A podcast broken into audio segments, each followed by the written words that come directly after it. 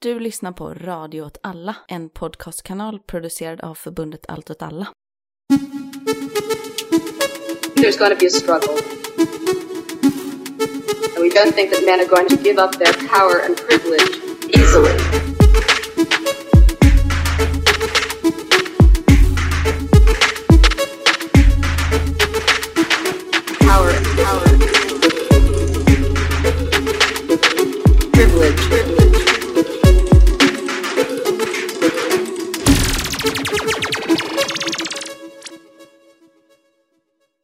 Välkomna till eh, tredje avsnittet av SKF.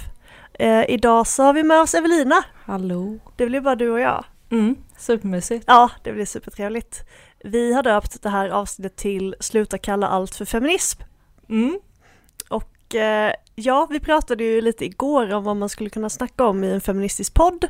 Och så kom vi fram till att vi har inte pratat så mycket om vad vi faktiskt tycker om grejer, utan mest kastat skit på andra. Och då pratade vi om det här fenomenet att eh, bedriva feminism genom att eh, anlägga ett så kallat feministiskt perspektiv på saker som kanske nödvändigtvis inte är feminism. Och det är ju till exempel Fi har ju varit ganska duktiga på det stundvis. Att eh, man försöker liksom prata om eh, en feministisk version av all politik skulle på något sätt vara bättre för att kvinnor i sin natur är eh, mjukare och snällare och antikapitalistiska kanske. Men sen pratade vi också om eh, Allt åt alla.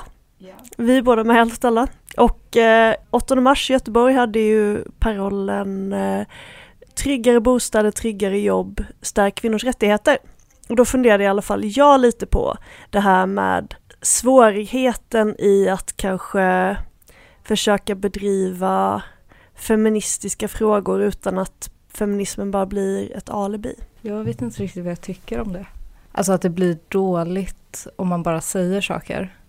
Eh, till exempel hade vi vårt tal om tryggare bostäder, typ det här med att eh, bostaden är en eh, kvinnofråga då. Och Eh, vi håller ju på med bostadspolitik och då vill vi, vi gärna säga någonting om det vi håller på med på 8 mars. Och då pratar vi om det på det sättet. Jag vet inte om det är rätt eller fel. Det är ju rätt för att feminismen måste vara praktisk. Men det är ju också fel just för att feminism, risken är att man bara tjohornar in feminism tycker jag i allting. Ja, eller i alla fall när man gör det på det här sättet med, ja men kanske som många organisationer, att man skriver så här eh, kanske en värdegrund eller, eh, eller typ så här ett program. Vi har ju också ett politiskt program, det har ju alla, men ofta vill man ju nämna feminism i det. Och då brukar ofta de andra sakerna man nämner kanske vara så här typ klasskamp eller eh, antifascism och då hänger det ihop eh, några slags praktiker som man håller på med till de orden. Medan feminismen kan man väl hitta ofta att det blir mer bara att man har rätt åsikter och att kanske ja, men organisationen har så här, ja, men vi står för feminism. Men eh, det är inte så tydligt vad man gör för feministiskt egentligen. Nej, precis. Man måste liksom vara feminism, för det är man ju. Men man omvandlar sällan det till praktik. Den enklaste feministiska frågan just nu är egentligen att vara emot sexköp. För den kostar liksom inte så mycket om man inte tänker på till exempel, ja men som i Tyskland till exempel, där kostar det kanske jättemycket att vara för en kriminalisering. Men som vänsterorganisation så är det väldigt lätt att gå ut och fördöma liksom eh, torskar eftersom vi har förhoppningsvis inga torskar i våra egna led. Ja, precis. Och det, det är också en sån eh, enkel feminism för män. Men det är väl typ lite som att vara emot eh, pedofili, lite så. Förlåt för jämförelsen, men att eh, det är inte en slump att eh, så här, Patrik Sjöberg tycker att han kan vara det. Nu är han ett, eh, ut, ett offer och så, och det är inte en kvinnofråga eh, heller på det sättet, men det, det är typ ett sätt att vara att vara man, att man kanske skyddar så här, kvinnor och barn. Och det är det jag tänker med prostitution, att eh, det är en del män som har lite den inställningen till den frågan. Att man så här, ska mer vara en beskyddare och det är därför det är lätt att ha den åsikten att det är fel med prostitution och så. Ja, nu blandar jag in lite i den andra podden jag är med i, Vad händer Gbg? Men jag såg igår på Twitter att eh, Demokraternas partiledare Martin Wannholt hade hållit tal på den här kvinnostrejken i fredags. Och då sa han att eh, prostitution är ett betalt övergrepp. Eller en betald våldtäkt. Och det är ganska, jag reagerade positivt på det uttalandet för att i vissa kretsar, i kanske så här amerikanska och tyska feministiska kretsar så är det ett ganska järvt eh, uttalande. Men det är det ju verkligen inte om man är en högerpolitiker. Nej, det stämmer ju. Eh, och det är lite det att man lever hälften i, på internet. Eh, så man är typ lite eh, USA-hjärna ibland. Men samtidigt tänker att eh, konservatism i Sverige inte har samma värden som konservatism i eh, Amerika. Men det är ju lite så. Det finns ju ett ett motstånd mot prostitution från högerhåll, liksom att det är fel, för att det är fel moraliskt. Ja, precis. Det är ändå ett äktenskapsbrott liksom ja, också. Det ska man inte glömma. En annan eh, diskussion som jag vet, jag tror att vi har haft innan är också det här att motstånd mot eh, prostitution kan också på något sätt, man kan överföra antifascistiska praktiker på den frågan och därför så blir det ett enkelt sätt att äh, agera för att det blir den här tydliga fienden och den här personen som inte är som oss, alltså torsken. Och till exempel så har ju AFA de senaste åren på 8 mars hängt ut sexualförbrytare, vilket jag faktiskt inte tycker är en jättebra praktik, helt ärligt. Mm. För det blir lite den här Patrik Sjöberg-grejen på något sätt. Ja men det är lite svårt att, att typ veta vad man ska tänka när man ser på det. För det är väldigt tydligt att det är män som står bakom den praktiken på något sätt. Mm. Eh, fast samtidigt så det är inte säkert att det är män som står bakom. Men man får typ en vibe av det samtidigt. Eh, ja. För eh, liksom AFA är också en blandad organisation. Men samtidigt så finns det någonting så maskulint liksom i att bara göra på det sättet. Det känns ehm, lite blunt att eh, bara förflytta en praktik från ett område när det varit framgångsrikt som antifascismen till ett annat område och tänka att det ska typ funka exakt likadant. Ja, för någonstans så, alltså sexualförbrytare blir ju straffade av rättssystemet liksom och sen kan man ju ha en man kan ha en kritik av idén att överhuvudtaget ha ett rättssystem men det är någonstans där straffet sker och att då bli uthängd kommer inte påverka ens syn på kvinnor till exempel.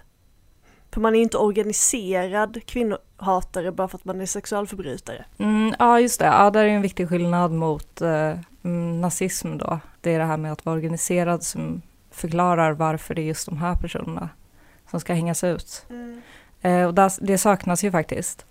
Ja, men samtidigt så är det ju, det finns ju många fördelar med eh, att, eh, eller jag, jag är ändå så här, Eh, positiv till att eh, folk får reda på det. Alltså att man inte låter det skötas i så här eh, rättssalar och sånt på det sättet helt och hållet.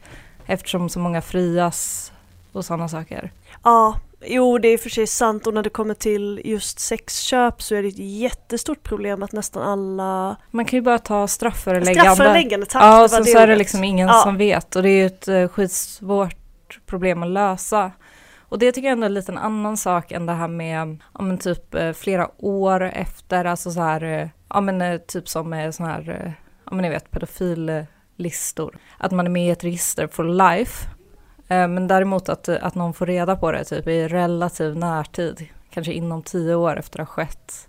Typ att folk faktiskt får veta att man har begått det här brottet det ser jag typ inga problem med. Ja, men jag har nog lite en annan syn på det just när det kommer till sexköp i och med att det är så fruktansvärt lätt att komma undan. Man kan ju i princip beställa strafföreläggande till sitt jobb. Mm. Man kan eh, ta det direkt. Ja, man kan, ta, man kan bara betala några tusen eh, och det avskräcker ju kanske inte någon överhuvudtaget att uh, köpa sex. Samtidigt som polisen är det är ju extremt sällan som sexköpare grips och när de gör det så är det alltid under speciella insatser som har liksom ett särskilt namn och som sker typ kanske en gång om året. Vad är bra feministisk praktik då? Eh, jag tänker att eh, bra feministisk praktik är som bra vänsterpolitik eh, typ. Att, att det berör människor och att det så här, skapar rörelser som eh, blir större än, än sig själva på något sätt. Det är typ att man gör saker som är så bra, att man blir fler och ser om man kan man göra nya saker som blir bättre och sånt. För någonting jag tänkte på när jag gick hit var ju lite det här att feminism är ju ganska ofarligt. Alltså om man tänker på rest, det omgivande samhället så är det väldigt lätt att vara feminist jämfört med att till exempel förespråka eh, klasskamp. Och det är ju någonstans för att feminism anses inte förflytta makt egentligen, antar jag. Ja, precis. Eh, det, det är lite mer så här, eh, det är bra att vara snäll och sånt. Och eh, typ, det är klart kvinnor också ska få göra saker och sånt. Ja, och då behöver egentligen inte män offra någonting. Nej, det handlar väldigt mycket så om alla ska ha samma förutsättningar. Så det är egentligen ganska likt typ den liberala Eh, drömmen om samhället. Att alla ska vara liksom lika. Ja, men det är på det sättet eh, världen ska fungera. Att man är lika först och sen så eh, klarar sig vissa bättre än andra. Ja, och någonstans är det också, mm, alltså vissa feminister pratar om så här, men ni män, ni måste ändå offra någonting. Men då blir det någonstans, det blir bara enskilda män och det är inte den typen av maktförskjutning man egentligen vill se bara, utan det handlar ju om liksom strukturer och resurser faktiskt ska flyttas från män till kvinnor. Ja men det är ju just det, ja men typ hur den förflyttningen ska ske. Eh, jag tror ändå att män på något sätt eh, förstår att feminism eh, teoretiskt kan vara ett hot för deras position och så. Och då menar jag som enskilda män. Mm. För det är där det kommer märkas och det tror jag hindrar typ män från att generellt jobba med feminism. I somras så läste jag en antologi som hette Vad är en kvinna? Tror jag. Det var olika akademiker som försökte liksom definiera vad en kvinna var. Eh, och den var ganska ointressant och tråkig och tillrättalagd. eh, men eh, det fanns en text som handlade om en fransk teoretiker som hette Monique Wittig tror jag, som förespråkade politisk lesbiskhet och det är ju ett ämne som jag är väldigt förtjust i men som väldigt många är kritiska till. Men hon menade liksom inte politisk lesbiskhet som liksom sexuellt, utan hon menade att alla kvinnor ska anta ett lesbiskt perspektiv på män och inte liksom vara så manstillvända hela tiden. För någonstans så är det ju så att kvinnor som grupp ger ju män väldigt mycket fördelar på grund av liksom patriarkatet. Mm, jo, precis, man blir intvingad till det hela tiden. Eh, på ett sätt. Eller jag skulle inte formulera det så mycket som att, man, eh, att det är kvinnornas, kvinnornas fel typ. Nej, det var det inte det inte. vad du sa, var... jag vill bara förtydliga ja, lite. Ja, det är bra att du förtydligar det, för det lät lite som du sa det. uh, nej, men precis, för man är alltid så här benägen att spela ner sin egen roll om man gör ett uh, gruppprojekt och sådana saker. Man är benägen att typ se eh, saker som, om en typ om det har tänkts något smart av en grupp så är man benägen att tänka att det är en man och sånt. Eh, men sen också rent personligt, typ att man eh, kanske, man har de här olika rollerna i relationen. Mm, precis. Att det finns liksom ett ganska, från samhället ett ganska stort daltande med vuxna män. Ganska genomgående tycker jag. Jo, absolut. Eh, men, men också väldigt mycket eller jag har typ inte tänkt på daltandet supermycket som problemet utan mer med att man kommer undan med saker men det kanske är lite andra sidan av myntet. Ja. Eh, att man eh, typ kommer undan med att göra saker som en kvinna aldrig skulle ja, komma undan med eller ens kunnat göra från första början. Men sen också att man typ, ja men att eh, män uppmuntrar varandra till att typ, eh, ja men typ nedspela övergrepp och sådana saker. Och där måste kanske samhället överhuvudtaget, alltså kanske vara som någon slags liksom samhällelig lesbiskhet. Liksom. Där man är mer kvinnotillvänd än manstillvänd överhuvudtaget. För att kvinnor ska kunna flytta fram sina positioner. Eller vi måste tvinga fram den utvecklingen. Mm. Jag är också, eh, jag får också erkänna att jag är väldigt eh, eh, ett fan av 70-talets feminism. Eh, men eh, mest för, jag tänker på de här basgrupperna. Eh, det verkade fett. Berätta mer vad du menar. Ja, men jag menar att man hade en idé om att man som kvinnor skulle träffas och eh, typ dela sina erfarenheter och genom de erfarenheterna hitta eh, det gemensamma eh, som man hade, liksom vad som var struktur, vad som var privat och sånt. Och på så sätt kunna göra åtgärder som eh, liksom gör det bättre för kvinnor som grupp då. Och det tycker jag är en väldigt eh, nice praktik de hade där. Och det har ju kommit massa bra saker ur det, typ kvinnojourer och så. Men eh, det är någonting som saknas to- alltså helt och hållet i dagens feminism. Och det jag menar som saknas är typ att hitta på något nytt. Alltså att hitta typ så här, vad kan vara vår eh, basgrupp då, nu? Det finns ju ingenting som liknar det, tycker jag, i dagens feminism. Nej, men vi är ju för sig, eh, vi är engagerade i Talassan tillbaka och det är ju kvinnoseparatistiskt i alla fall. Jo, precis. Eh, och där jobbar vi lite med det på ett sätt. Eh, kanske att expandera det rummet som man rör sig i, att typ omvärdera vad som är personligt och vad som är typ offentligt. Vad som är mitt problem, vad som är allas problem. Alltså alla som är deltagare i den demonstrationen. Det är inte bara kvinnor och så.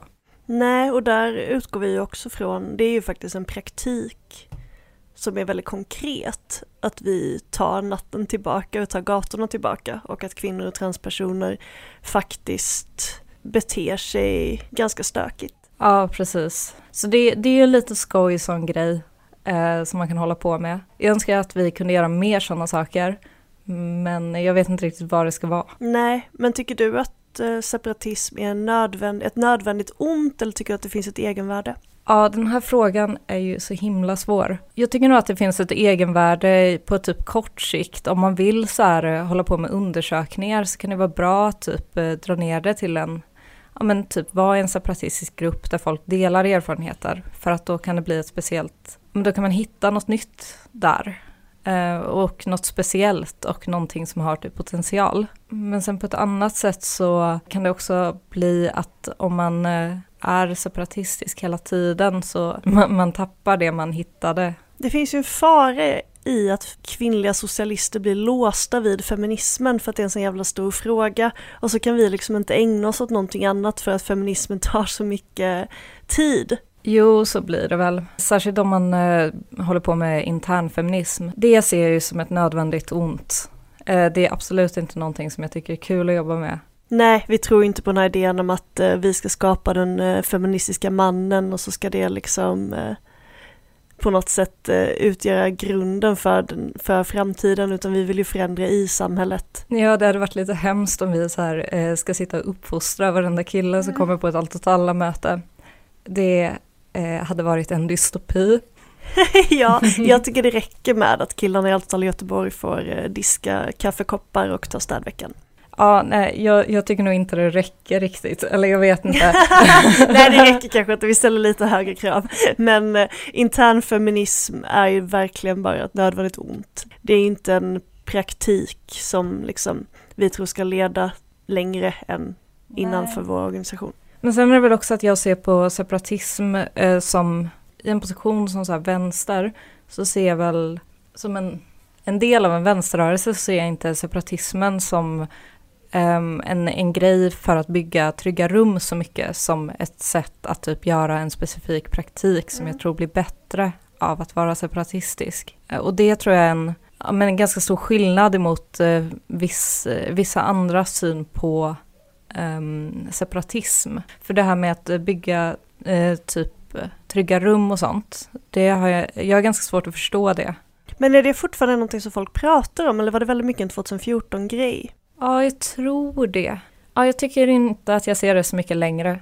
Alltså det finns ju fortfarande massa bra projekt och coola saker som är typ lite på det sättet. Typ lesbisk frukost som är ett initiativ för att typ eh, folk som identifierar sig som lesbiska ska kunna typ träffas i ett rum där det är typ normalt att vara lesbisk. Det är ju på något sätt ett tryggt rum eftersom det skiljer sig från samhället. Men i övrigt så ser jag inte det att eh, folk har det som så här stark eh, men vision längre. Nej, och det är positivt för jag håller ju med dig om det. Att eh, det är ju, separatism ska inte handla om trygga rum. Nej, eller det blir lite svårt för att man måste ju alltid gå ut ur det rummet och eh, möta världen. Eh, det, det finns en risk om man har eh, sådana trygga rum att det blir sån här utrensning och sånt. Alltså av otrygga element ur det rummet så att det tenderar typ att krympa lite. Har jag sett en del exempel av. Ja, och jag tänker att det blir lätt att man eh, hamnar i situationer man kanske tillskriver eh, vissa egenskaper, någon slags liksom maskulinitet. Alltså jag tänker att man kan bli rädd för konflikter om man hela tiden utgår från idén att det ska vara ett tryggt rum. Mm, precis. Jag är ju för konflikter då. Ja, eh, framförallt det också. klasskonflikter. Eh, men även konflikter inom organisationen. Alltså om de, att, att ta typ konflikter på en rimlig nivå och typ eh, diskutera saker och sånt. Eh, tror jag leder till att man kan göra bättre saker. Ja, jag tror att eh, som politisk organisation så ska man inte vara rädd för konflikter heller, för att någonstans så lär man ju sig av varandra. Så länge det inte är typ knutna, alltså så slagsmål. Nej, eh, inga trygga slagsmål inom vänstern. Ja, n- ja, gud. Det där borde vi ha som paroll på 8 mars. Seriöst, för det känns som det kan bli nästa grej. Trygga slagsmål. Ja, men typ att eh, alla ska hålla på med kampsport eller något. Det känns som det kommer komma nu efter kriget. Bara en spaning här. Någonting jag tänker på också, så som jag har läst liksom framväxten av den socialistiska feminismen på 70-talet, så var det också en kritik av att radikalfeminismen var en återvändsgränd i det. Att man hela tiden utgick liksom från att män av naturen nästan kommer förtrycka kvinnor typ.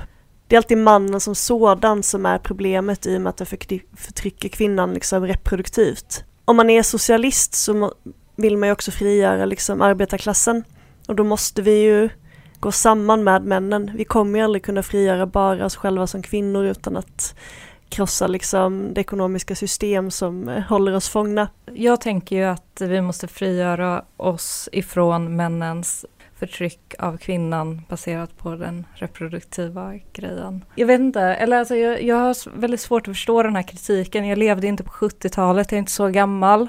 Så det är inte så konstigt att jag inte förstår det helt och hållet och hur tongångarna var och sånt. Men jag tycker inte riktigt det finns en eh, motsättning i vision egentligen på att vara så här typ eh, vi kan inte ha ett eh, system typ baserat på att vissa har kontroll över reproduktionen samtidigt som andra utför arbetet och så. Och vi ska ha kommunism som betyder att ingen ska ha kontroll över någon annan. Nej, alltså socialistisk feminism är ju ändå en kombination av liksom klasskamp och radikalfeminism så som den uppstod från början. Men det handlar väl lite också om hur man liksom formulerade synen på män.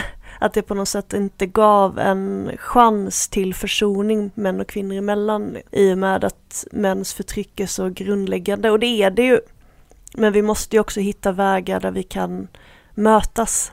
Ja, alltså det är ju svårt att driva vänsterpolitik tillsammans med män om radikalfeminismen är den starkaste analysmodellen. För då kommer det bli så här, ta itu med männen först eller samtidigt liksom. Och då, då blir det ju lite dålig stämning mellan de olika grupperna inom gruppen. Man kommer inte ifrån det heller. Men samtidigt tänker jag att man aldrig kommer ifrån reproduktionen heller i en feministisk analys. Eh, nej, precis. Eh, det är väl centralt typ, men sen kan man ju välja när man eh, gör praktik vad man vill fokusera på. Och då är det ju dumt att typ eh, ta upp något eh, i, ifrån förr och försöka kopiera det eller göra det exakt likadant och så. Det är ofta inte så himla bra, utan det är bättre att typ eh, fundera på vad man är nu och typ undersöka vad ens största problem är eh, ja men typ här och nu. Hur, hur man blir drabbad av typ vad som är patriarkalt och vad som är typ vanligt att eh, folk hatar en för att man är fattig till exempel. Ja, det finns ju väldigt mycket kvinnoförtryck som handlar om att vi har hamnat i en situation där vi förtrycks liksom i egenskap av eh, kvinnor som också är arbetarklass. Till exempel när det kommer till eh, kvinnodominerade yrken så är det kanske ett felslut att tänka sig att det bara är så att eh, villkoren är dåliga för att det är kvinnodominerat, utan det är ju också kvinnodominerat för att eh, vi har förpassats till de här yrkena. Ja, precis. Så det är ju de eh, liksom Eh, intersektionerna man måste ha lite koll på. Och när vi gör feministisk praktik, då kanske vi eh, försöker utgå lite ifrån eh, de projekt vi håller på med i övrigt liksom. Vad vi tycker i övrigt och så. Vi jobbar mycket med staden och då blir det så här naturligt att typ prata om kvinnors villkor i staden eller liksom hur staden kanske är ofeministisk på olika sätt. Eh, Och det tycker jag är ett eh, ganska bra sätt att få in det på ett mindre krystat sätt. Men så är det ju verkligen, alltså ens position som kvinna i staden är ju väldigt skör liksom. Man har ju aldrig en självklar plats i stadsrummet. Och sen även att eh, försöka eh, prata om hemmet på olika sätt. Eh, det är ju eh, ganska intressant att prata om hemmet ur ett feministiskt perspektiv. Och att dessutom göra det ur ett så vänster allt åt alla perspektiv samtidigt kan ju ge ett nytt feministiskt perspektiv än att bara hemmet är det farligaste stället för kvinnan att vara på. Vi behöver ju också bra hem ja. Ja men av flera anledningar. Vi ska inte dras ur hemmet liksom. Hur driver man bostadspolitik utifrån ett feministiskt perspektiv då? Har kvinnor och män olika behov när det kommer till bostadspolitik? Ja men det tror jag. Alltså kvinnan sitter ju på något sätt ihop med barnet och så. Eller, eller det är en av eh, frågorna liksom. Eh, kvinnor riskerar typ att få barn. Ja, kvinnor riskerar att få barn ja. Men jag tycker det är svårt för jag tänker att det var så självklart på 70-talet att liksom eh, väva in eh, rätten till liksom barnomsorg och preventivmedel kanske delvis med kvinnofrågan men nu vill man ju någonstans kanske röra sig bort från att barnet är så tätt sammankopplat med kvinnan, eller? Jag, jag tycker inte det är helt eh, klockrent att eh, luckra upp den, den kopplingen mellan barnet och kvinnan faktiskt. För det är ju ofta så att ja men typ om det skiter sig mellan en kvinna och en man som har fått ett barn så blir det ofta att barnet hamnar på kvinnans ansvar på något sätt. Alltså det är ändå det som oftast händer. Men samtidigt har det ju ändå lett till typ att kvinnor typ kontrolleras via preventivmedel eller sånt. Eller liksom att det, det är där hela det, det ansvaret hamnar och alltså att det inte finns manliga preventivmedel. Ja, jag är ju supernegativ till manliga preventivmedel, ja, vilket är ett av mina mest impopulära åsikter eftersom jag inte tycker att eh, man tänker sig att eh, liksom mäns huvudsakliga kontroll av kvinnan sker via reproduktionen så vill man ju inte ge den makten till män att eh, kontrollera om kvinnor ska bli gravida. Nej men där erkänner du lite ändå kopplingen typ. Eller alltså det är ju en som blir gravid och eh, på något sätt så är det ju viktigare att eh, kvinnan, om, alltså om man får barn då, då är man först gravid och sen så eh, måste man typ vara jättenära barnet jättelänge och så. Ja, så och, är och, det he- och hela den här grejen bryr sig ju inte bostadsmarknaden om överhuvudtaget. Alltså det finns ju ingen, ingen förtur för kvinnor på bostadsmarknaden. Men Det kan ju man tycka att det borde finnas eftersom man riskerar då att hamna i den här situationen. Typ att bli gravid. Samtidigt så tänker jag att man lätt hamnar i ett perspektiv där man lite bortser från barnets bästa. Alltså jag tänker att barnperspektivet lite försvinner i viss feministisk analys eftersom man ser det som en förlängning av kvinnan. Alltså jag tycker till exempel att barns bästa kan vara skilt från föräldrarnas liksom. Även om föräldrarna inte behandlar dem illa utan mest att barn har rätt att eh, behandlas som en egen person. Vilket du inte sa något annat emot men jag, ty- jag tycker ändå att det finns vissa tendenser i samhället ibland att man eh, ser barnet som kvinnans rättighet lite. Ja, men det är väl generellt egentligen det här med att det hela tiden är att eh, man ska äga saker. Jag håller väl med, men jag är inte heller förtjust i de här alternativen, typ de här feministerna som pysslade med typ eh, barns sexualitet och sånt ja, ja, nej, nej det, det tycker jag förstås inte. Men jag, tänker att Vi har bara de två valen, Ja. Antingen så ska man eh, knulla barn eller så ska man äga dem. Nej, men eh, och inte heller det syns ju. Alltså det är ju det med bostad, bostaden som politisk eh, typ fråga, att den är så himla opolitisk. Det enda det handlar om är typ så här eh, vad den ska kosta och sånt. Men det handlar ju inte alls om vem som har rätt eller behov av bostäder. Alltså inte på något sätt. Så typ, eh, alltså det är ju inte så mycket att eh, barn och kvinnor eller typ folk med funktionshinder eller sånt som har svårare och, eller typ större behov av en fast bostad får gå före i kön och sånt. Eh, det är ju typ att man blir, ja men får gå via andra, alltså via staten typ och på olika sätt få, eller kommunen kanske Ja, och jag tänker jättemycket ofta på det här med liksom hur vi bor och att det finns en tendens i samhället att man eh, inte ska bli störd av sina grannar samtidigt som lägenheter inte byggs tillräckligt ljudisolerat man ställs emot sina grannar som att man har olika intressen liksom eftersom man inte vill bli störd av varandra. Då är det som att man inte erkänner liksom att det kan finnas gemenskap mellan grannar. Ja men det är ju typ ett jättestort problem också bara av en säkerhetsaspekt typ. Alltså om man eh, typ blir eh, misshandlad i sitt eget hem, kommer grannarna att agera?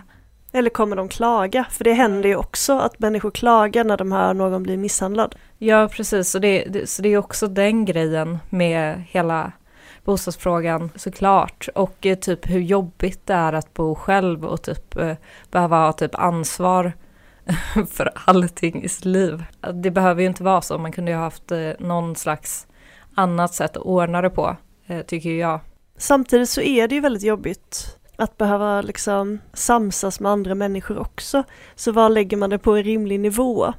Var kan man få liksom en gemenskap men samtidigt integritet? För det, det vore ju fruktansvärt om alla behövde bo i kollektiv. Ja, jag bor ju i kollektiv så att jag kan ju säga att det är fruktansvärt. Men jag, jag tänker att lite som kollektiv ser ut i, i världen nu lite handlar om att det är också en isolerad enhet ifrån resten av samhället mm. och resten av så. Alltså det är på det sättet det konstrueras och det är på det sättet man lever i dem. Så det blir typ inte nice. Men någonstans behöver man väl bygga gemenskap utanför hemmen. Man har rätt till liksom ett eget hem och trygghet inom hemmet men att det samtidigt finns en gemenskap utanför också. Och då kanske man behöver bygga bostäder som har gemensamma ytor, samlingsplatser, Ja, och där blir det ju jätteviktigt att ha en feministisk praktik, alltså i, i ett sånt arbete. För, för det är ofta att eh, om man bygger något för alla så är det verkligen inte för alla och så. Det är inte som att kvinnor är den gruppen som blir mest eh, förbisedd i sådana saker. Alltså om man, om man pratar om typ hur staden är konstruerad. Eh, måste man arbeta internfeministiskt innan man kan ha en utåtriktad feministisk praktik som en organisation? Jag tycker nej. Jag tänker att uh, det blir liksom bara navelskåderi. Och sen tänker jag att liksom för vår egen skull så måste vi ha någon typ av liksom internfeministisk kontroll i alla fall. Uh, för det återkommer man ju till ganska ofta när man har kanske separatistiska träffar uh, i olika sammanhang att det finns ett sätt som vi pratar med varandra inom organisationer där kvinnor ofta försöker att liksom se till att alla känner sig sedda och eh, där kvinnor kanske agerar eh, om någon beter sig illa men att män inte alltid står upp för kvinnor mot varandra. Och där behöver vi jobba med att liksom synliggöra det, till exempel vem pratar mest, varför är det ojämlikt om det är det? Och hur kan vi jobba för att eh, öka medvetenheten om det. Samtidigt gillar inte jag det här med att det finns en här konstig tendens i samhället att alla fel beror bara på bristande kunskap och om vi mm. bara liksom medvetliggör eller så upplyser folk så kommer det inte finnas några problem. Så är det ju givetvis inte. Och det är ju givetvis inte så att att man bara kan så säga så, ja ah, men nu pratar det för många män så nu måste fler kvinnor prata. Eller nu ska män vara tysta. Det handlar inte bara om det, det handlar om liksom vilken miljö och vilket klimat har man i organisationen och premiera det mäns åsikter. Ja precis och det är också om man håller på med sådana talarlistor så är jag i, alltså i trubbel eftersom jag pratar mycket, män är mm. kvinna. Och då, då är det frågan, eh, förstör jag för resten av kvinnorna då för att jag pratar? Är jag, blir jag en av männen då? Um, alltså sådana stämningar uh, kan också uppkomma. Eller jag tänker det handlar mer om hur man är mot varandra och sånt. Alltså om det funkar, om, eller det funkar ju inte om folk sitter och typ drar så här sexistiska skämt på mötet hela tiden. Nej. Då kommer man inte palla vara med och då kommer man inte kunna göra något bra med den organisationen. Eller driva sin Nej, politik liksom. Så det är typ att ha det på en acceptabel nivå. Och samtidigt så måste man ju också se, hos män så kan det också finnas en tendens att man kanske inte riktigt kontrollerar sitt humör och mm. att man på något sätt liksom domderar och man får liksom styra rummet genom sin lynnighet. Och det kan ju vara en sån sak som män också måste våga lyfta med varandra. Jag känner mig attackerad igen. ja, det, det, det, den moderna feminismen går väldigt mycket ut på att ta allting personligt. ja. Ja, det kanske avspeglar mina känslor inför att jobba med internfeminism, hur jag svarar på de här sakerna nu. Alltså att jag tycker det är så himla jobbigt, tråkigt, hemskt också. Men det är därför bara män ska behöva jobba med det, egentligen. Ja, Och fast inte blir det genom bra att, då Nej, eller? det är inte genom att de ska ha så här mansseparatistiska träffar och försöka att genomskåda varandra och sig själva, utan det handlar väl bara om att man har ett klimat där folk vågar säga ifrån om någonting som inte är okej händer typ. Eh, ja, precis. Eh, Men jag tänker att eh, en politisk organisation behöver inte vara bättre än en arbetsplats eh, på det sättet. Jag tycker inte att det behöver vara mer ett eh, tryggt rum, förutom ett tryggt rum för att ha typ vänsterextrema och eh, eh, feministiska åsikter. Eh, men, men utöver det så tycker jag inte att det behöver vara perfekt för att man ska kunna göra bra och vettig politik. Nej, så länge någon säger emot så är det ju inget problem med konflikt heller, utan det är ju Mm. bara om det skapas en situation där i regel kvinnor inte känner sig välkomna av någon anledning. Ja, och det får ju absolut inte vara en arbetsplats som typ SVT där man har såna här eh, fester där folk slänger kuken i ansiktet på varandra och sånt. Nej, Jag vet inte om det var förtal nu.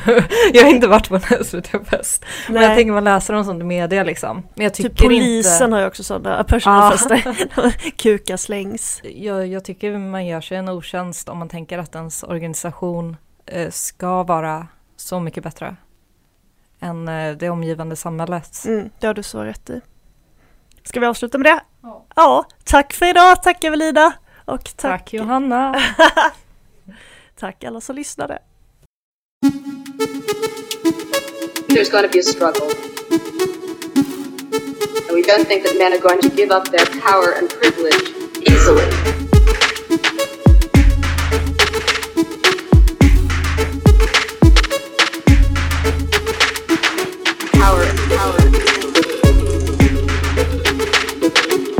language.